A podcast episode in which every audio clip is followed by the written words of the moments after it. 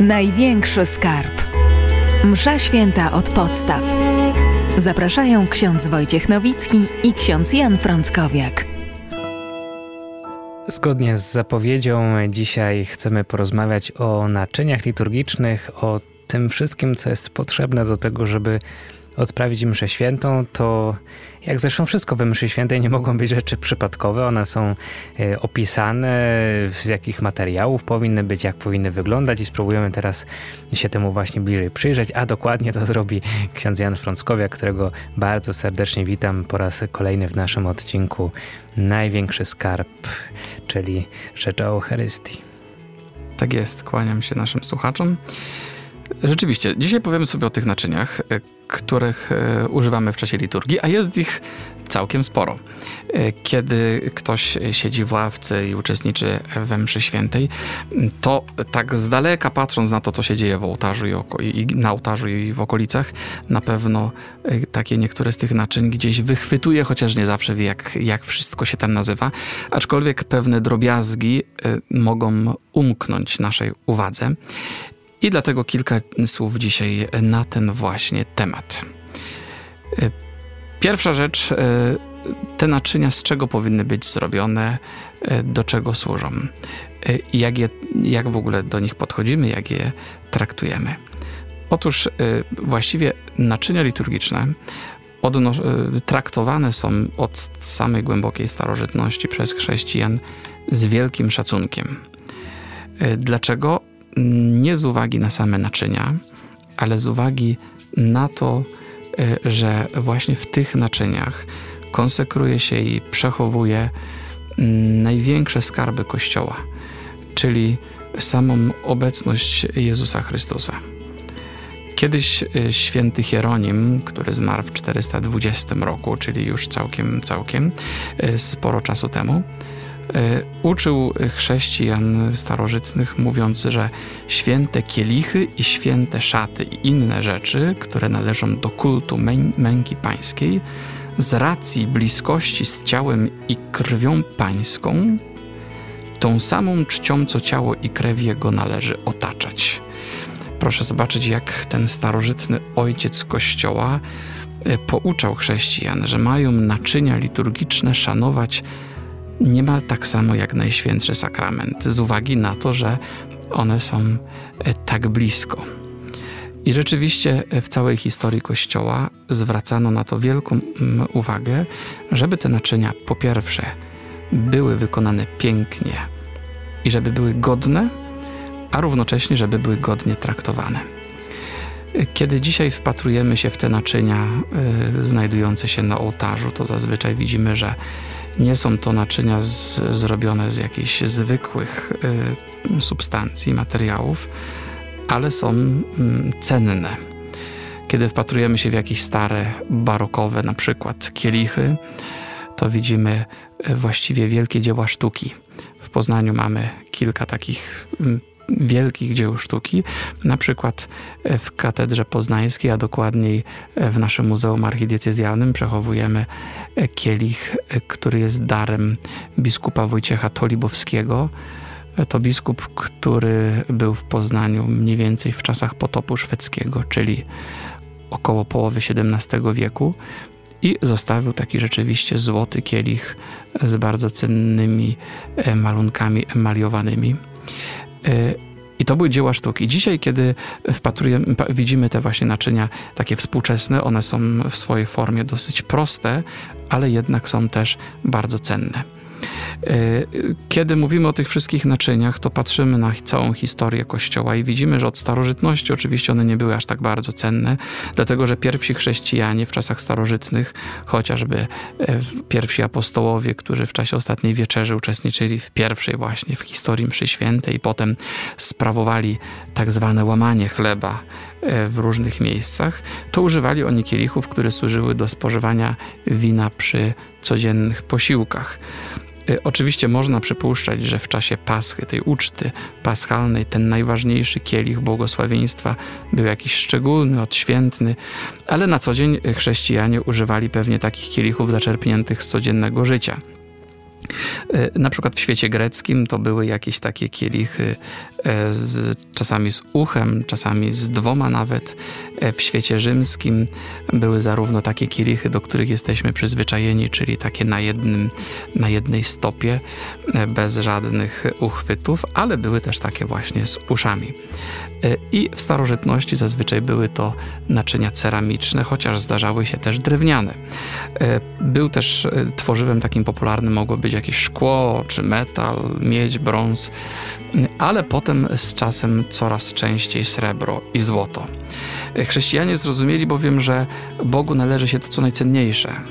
I dlatego te kielichy czy inne naczynia muszą być naprawdę zrobione z e, takiego tworzywa cennego. E, Tomasz Scelano e, w żywocie świętego Franciszka z Asyżu mówi, że ten święty biedaczyna który tak bardzo podkreślał znaczenie ubóstwa, robił wyjątek dla liturgii. To znaczy, był on gotów posyłać na cały świat swoich braci ze złotymi naczyniami, ze złotą puszką, żeby usunąć z kościołów wszystkie inne mniej właściwe naczynia służące do przechowywania świętych postaci. Proszę zobaczyć, jakie to jest takie znaczące, że ten biedaczyna uważał, że do liturgii musi być najpiękniejsze i najbardziej bogate. E, tak samo zresztą e, widzimy u świętego Jana Wianeja. E, to z kolei proboszcz świątobliwy z Ars, który rzeczywiście żył osobiście w skrajnym ubóstwie, ale robił jeden wyjątek właśnie dla liturgii, dla największych tajemnic. Uważał, że musi być najcenniejszy materiał i zarówno do szat, jak i do wszystkich liturgicznych naczyń. Także to jest y, z czego powinny być zbudowane dzisiaj, czy z, zrobione te naczynia. Dzisiaj przepisy kościelne mówią, że musi być to materiał szlachetny, nietłukący się, a wnętrze musi być nieporowate. W naszej kulturze zazwyczaj to wnętrze jest złote albo przynajmniej pozłacane, a ta zewnętrzna strona no, może być zazwyczaj jest metalowa, czasami rzeczywiście złota czy srebrna, ale może być też z jakichś innych materiałów czy tworzyw. Ważne, żeby był to materiał, który się nie tłucze, i żeby też, zwłaszcza jeśli chodzi o kielich, krew pańska nie wsiąkała, czyli nie może być porowata ta mm, substancja. Ale gdybyśmy udali się do innych kultur, na przykład afrykańskich czy jeszcze innych, to okaże się, że materiał szlachetny, nietłukący się z wnętrzem nieporowatym będzie to na przykład jakieś drewno hebanowe albo kość słoniowa, albo jeszcze coś bardzo szlachetnego w tamtej właśnie kulturze. To jak już tak słyszymy o, o tych cechach materiału, z którego mają być wykonane naczynia, to myślę, że od razu nasza myśl kieruje się do dwóch właściwie naczyń. To znaczy nazwijmy to tak bardzo potocznie, talerza, na którym najpierw leży hostia, a potem e, będzie to już Najświętszy Sakrament, przeistoczona hostia, konsekrowana. Mhm. I to się fachowo nazywa patena. Tak jest. Może być patena, teraz tak rozróżniamy po reformie liturgicznej, płaska i głęboka, to za chwilę nam to wszystko... I jeszcze ministrancka. I ministrancka jeszcze, to jeszcze mm, komunijna tak zwana, tak, tak, to nam tak. za chwilę ksiądz Jan wyjaśni. No i oczywiście kielich, druga rzecz, tutaj nie ma wątpliwości, wątpliwości co do nazwy i tak dalej. No kielich, czyli to naczynie, w którym najpierw jest wino, a po konsekracji jest już to krew pańska. Mhm. Tak jest. Yy, właśnie, więc yy, ten talerzyk zwany pateną yy, to jest y, takie naczynie, na którym spoczywa y, hostia. Najpierw jeszcze nie konsekrowana, a potem już właśnie najświętsze ciało Chrystusa. Y, właściwie w historii te, ten, ta patena miała bardzo różne kształty, różne wymiary. W starożytności zdarzało się, że ta patena była wielkich wymiarów, całkiem sporych, tym bardziej, że nie używano do mszy świętej, tak jak dzisiaj, małych hostii, y, których właściwie, które są takimi drobinkami chleba, że zmieszczą się y, w małym dość naczyniu, ale używano jakichś takich bochenów całych chleba, które potrzebowały jakieś, jakiegoś porządnego talerza. Y, mamy rzeczywiście kilka rodzajów paten. W starej liturgii było tych rodzajów jeszcze więcej, ale dzisiaj zazwyczaj mówimy o trzech. Mianowicie jest tak zwana patena płaska i patena głęboka. To są dwie pateny ołtarzowe oraz ta trzecia patena komunijna, zwana czasami ministrancką. Patena płaska to jest patena, e, taki maluteńki talerzyk, na którym znajduje się zazwyczaj tylko jedna hostia, ta, którą widzimy podczas konsekracji, unoszoną przez kapłana, zazwyczaj potem spożywaną także przez celebrującego e, czy przewodniczącego celebracji kapłana. Potem jest też patena głęboka. To jest taka miseczka, y, też oczywiście ze szlachetnego materiału wykonana, w której oprócz tej głównej hostii znajdują się też małe komunikanty. Jest taki, y, takie zalecenie y, liturgiczne, że w czasie mszy świętej wierni, którzy w niej uczestniczą, dobrze, żeby mogli spożywać Najświętszy Sakrament w Komunii Świętej z chleba zakonsekrowanego w czasie danej mszy świętej. I dlatego mamy takie pateny właśnie głębokie, na których znajdzie się trochę więcej e, komunikantów i ksiądz może zaraz e, po, e, w momencie, w którym zaczyna się komunia, wziąć ten chleb prosto z ołtarza i zanieść każdemu z nas, abyśmy mogli przyjąć właśnie ten chleb zakonsekrowany w, tym, w czasie tej mszy, w której uczestniczymy.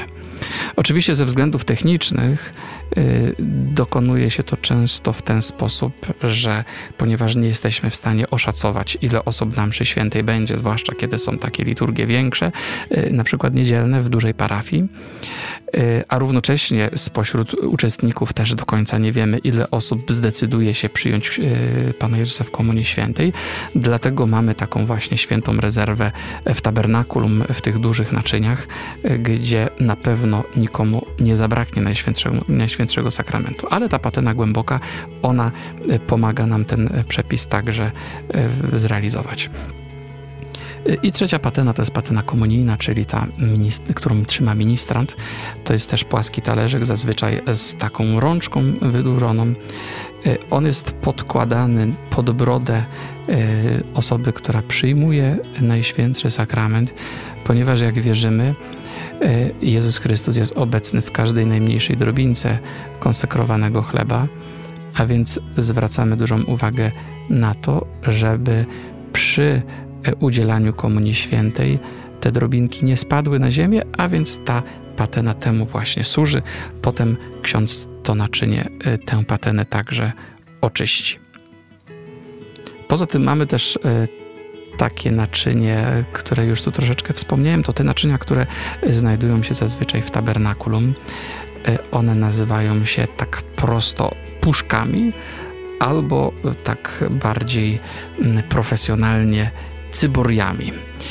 E, cyborium e, to właśnie taki większy kielich, e, który jest przykrywany wieczkiem i często jest okryty welonem. Oczywiście ten welon troszeczkę przypomina nam już to wszystko, co mówiliśmy o konopeum i o welonie, który czasami okrywał, czy dawniej okrywał tabernakula, odnoszący się do obecności Bożej, do namiotu, który Bóg rozbija między nami.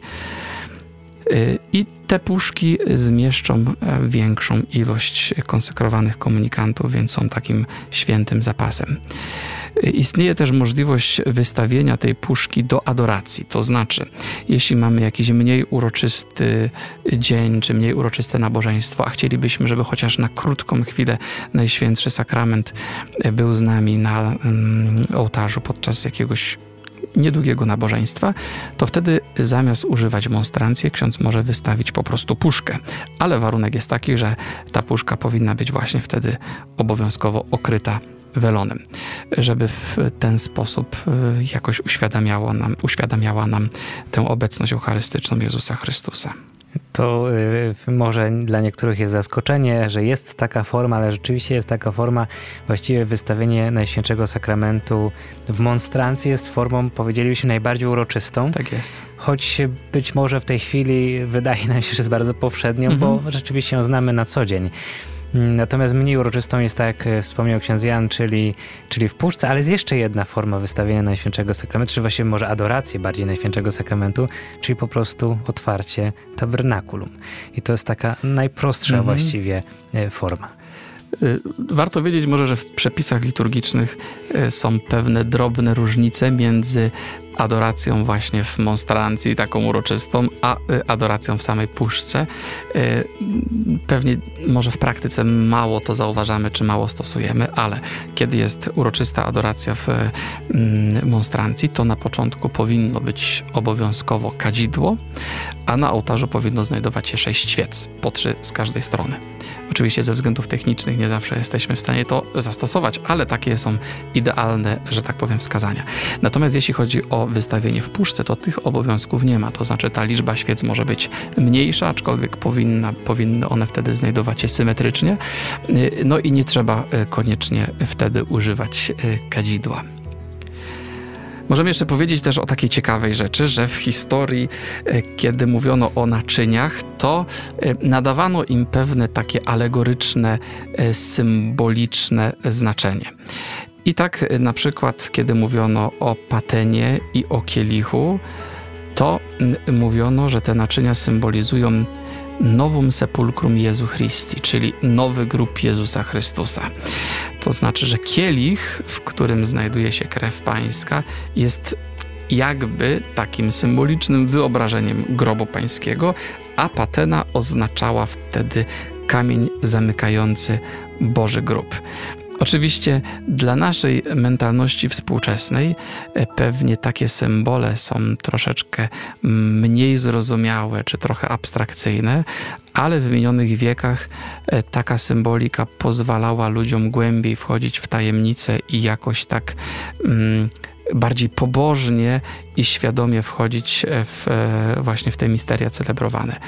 Czasami też o patenie mówiono, że ona była też symbolem pokoju, ponieważ na niej składa się ciało Chrystusa, który jest księciem e, pokoju. E, w rycie trydenckim tak zwanym, czyli w tej formie nadzwyczajnej, podczas mszy świętej kapłan całuje patenę, mm, także e, podawał ją kiedyś kapłan do pocałowania na znak pokoju.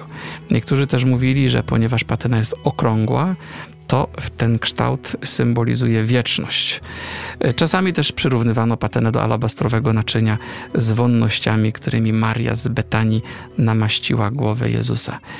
Y, oznaczała wtedy właśnie taką miłość i czułość y, uczniów i uczennic y, Jezusa wobec swojego mistrza, no i wyzywała też uczestników liturgii do tego, żeby taką wewnętrzną postawę sami w sobie w czasie liturgii celebrowali. Do tych alegorii to z pewnością jeszcze wrócimy, kiedy będziemy mówić na przykład o palce czy korporale, czyli takich no nie szatach liturgicznych, ale mm, materiałach, tkaninach, mm -hmm, które są mm -hmm. używane również przy okazji odprawiania mszy świętej, ale na razie pozostajemy jeszcze przy naczyniach, przy naczyniach bo tak jeszcze jest. ich trochę mamy. Myślę, że uważno y, y, obserwator czy uczestnik mszy świętej na pewno zauważył, że y, ksiądz do kielicha wlewa wino i wodę i wlewa y, to z takich szklanych małych naczyń, które nazywamy ampułkami. Tak jest. W czasie każdej liturgii przynajmniej dwie takie ampułeczki e, można spotkać. E, one e, na początku zazwyczaj są umieszczane na takim małym stoliku, który znajduje się z boku gdzieś w okolicach ołtarza. E, stoliku, który nazywamy kredencją. E, czasami niektórzy mówią kredensem. E, I tam przygotowane są wszystkie te dary. Kiedy jest uroczysta procesja z darami, to zwykle ten stolik jest też umieszczony na przykład z tyłu kościoła i tam te dwie ampułki się znajdują. To są dwa małe naczynia, często szklane, chociaż mogą być też metalowe, czy jeszcze z innego, z innego tworzywa wykonane które przechowują, czy w których przechowuje się naczynia na wino i wodę. My kojarzymy te naczynia jako takie maluteńkie, w których ilość tego wina i wody jest raczej taka symboliczna, tym bardziej, że nie potrzebujemy aż e, tak wiele. Ale warto wiedzieć, że na przykład mniej więcej do XI wieku były to naczynia całkiem sporych rozmiarów, zwłaszcza to naczynie, w, których, w którym przynoszono wino. E, proszę sobie wyobrazić, że właśnie w starożytności, jeszcze w początkach średniowiecza, e, bywało tak, że wierni jako swój taki dar na mszę świętą przynosili w butelkach własne wino, i potem przekazywali przy drzwiach diakonom, a diakoni wlewali to wino przynoszone na Eucharystię do jakiegoś dużego naczynia, do jakiejś takiej dużej właśnie ampułki, ale już takich rozmiarów godniejszych, lub bezpośrednio do jakiegoś wielkiego kielicha. Czasami też była taka jeszcze w głębszej starożytności praktyka, że przynoszono wino już najprawdopodobniej od razu w kielichach. Ale to są dawne czasy. Natomiast od XI wieku te duże naczynia zaczynają znikać i pomału zostają zastąpione takimi dwoma malutkimi ampułkami, w których właśnie podaje się wino i wodę. To troszeczkę się wiązało z oczywiście odejściem w historii e, ze względów y, głównie technicznych od e, Komunii Świętej pod dwiema postaciami dla wiernych. Bo wyobraźmy sobie, że mamy 500 osób na mszy świętej i teraz każdy miałby spożyć z kielicha chociaż jeden łyk krwi pańskiej, to rozumiemy, że musiało być jej kiedyś bardzo sporo. Natomiast teraz już e, to troszeczkę inaczej właśnie wygląda ze względów takich technicznych. E, kiedyś ampułki e, były takim prostym naczyniem z czasem, gdzieś od XV wieku zaczęto je zdobić coraz bardziej różnymi jakimiś malunkami emaliowy, emaliowanymi złotem, srebrem, koralami, jakimiś malutkimi płaskorzeźbami. Współczesne ampułki y, znowu są raczej dosyć proste, chociaż zazwyczaj eleganckie. W starożytności ampułki miały jeszcze jeden, y, jedno zastosowanie, które dzisiaj nam się wydaje troszeczkę no, mm, mało spotykane, mianowicie używano ampułki do przechowywania krwi męczenników. Kiedy męczennik oddawał życie, to i jego współsiostry, współbracia tę krew którą przelewał chociaż w jakiejś symbolicznej ilości do takiej ampułki y, zlewali. To jeszcze możemy dopowiedzieć, że yy, także można to spotkać dzisiaj, chociaż też rzadko w ampułce z wodą nieraz jest taka malutka łyżeczka, często mhm. złota. Tak jest. W czasie mszy świętej, kiedy kapłan wlewa do kielicha wodę i wino, no to wiadomo, że wina jest troszeczkę więcej, a woda jest tylko w symbolicznej ilości. Dlaczego, co to oznacza i mm, jakie są zasady, które to regulują, to powiemy sobie, kiedy będziemy mówić o tym momencie mszy świętej. Natomiast, żeby było wygodniej dozować wodę w małej ilości, to rzeczywiście czasami jest taka maciupeńka łyżeczka, e, na czy którą można nabrać jedynie jedną taką rzeczywiście kropelkę wody, która e, spadnie do kielicha. Czasami tej ampułki z wodą używa się także do polania rąk e, księdza, głównego celebransa, mm, ale właściwie powinno być osobne do tego naczynie z takim ręczniczkiem charakterystycznym. Ten moment się nazywa lawabot też słów, które były kiedyś wypowiadane, czyli właśnie obmycia e, tych rąk. Mhm. Ale tak, rzeczywiście. Y, słowo łacińskie lavare to oznacza myć, e, obmywać. Mm, I y, istnieje takie naczynie nazywane lawaterzem. Często w parafiach to jest po prostu jakaś taka zwykła tacka, czasami metalowa, czasami szklana albo jakaś ceramiczna. Y, i ampułka. Niekiedy stosuje się właśnie tę ampułkę, która y, zawiera wodę i którą przynosimy do ołtarza w czasie przygotowania darów, ale y, istnieją też takie ozdobne ampułki, czy nawet całe zestawy ampułki, czy właściwie dzbana i takiej tacy, i właśnie ten zestaw nazywamy lawaterzem. Jest to zestaw, który służy do obmywania kapłanowi rąk. Oczywiście nie chodzi o to, żeby on miał umyć ze względów higienicznych. Jest to bardziej e, pewna czynność, która ma znaczenie teologiczne. O tym znaczeniu sobie jeszcze w przyszłości, mam nadzieję, e, ładnie powiemy. Natomiast e, ta czynność też jest czynnością publiczną, wykonywaną na oczach wszystkich i taki ładny zestaw, y, taki duży lawaterz też pomaga wyraźniej uwypuklić ten moment, który właściwie trwa parę sekund, mógłby być niedostrzeżony. Y, temu lawaterzowi towarzyszy ręczniczek i ręczniczek, no to y, jak możemy się domyślić, służy do tego, żeby te ręce wytrzeć po prostu, żeby z mokrymi dalej nie celebrować Najświętszej Ofiary.